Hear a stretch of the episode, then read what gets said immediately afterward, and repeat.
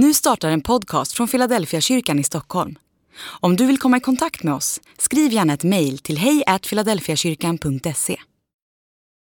Dag 133 Alla folk De elva lärjungarna begav sig till Galileen, till det berg dit Jesus hade befallt dem att gå. När de fick se honom där föll de ner och hyllade honom, men några tvivlade. Då gick Jesus fram till dem och talade till dem.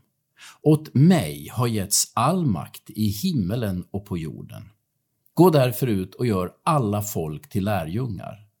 Döp dem i Faderns, Sonens och den heliga Andes namn och lär dem att hålla alla de bud jag har gett er.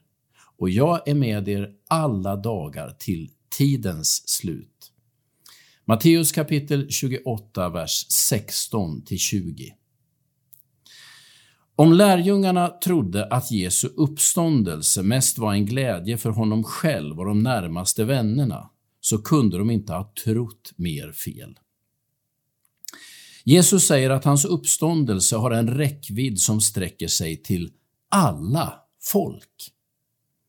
Det betyder att alla människor är omfattade av det Jesus gjorde.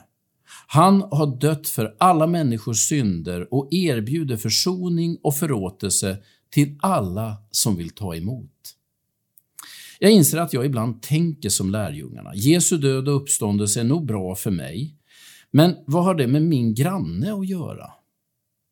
Vi kan nog alla lite till mans drabbas av tvivel på att Jesus skulle betyda något för alla i vår omgivning som inte delar vår tro.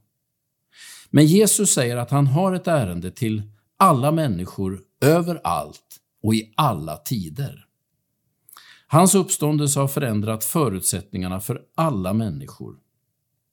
Döden, döden är inte längre den självklara slutpunkten för en människas liv. Gud har inte skapat oss för att vi ska dö. Han har skapat oss för att vi ska leva och Jesus har besegrat dödens makt och erbjuder oss befrielse från dödens fängelse.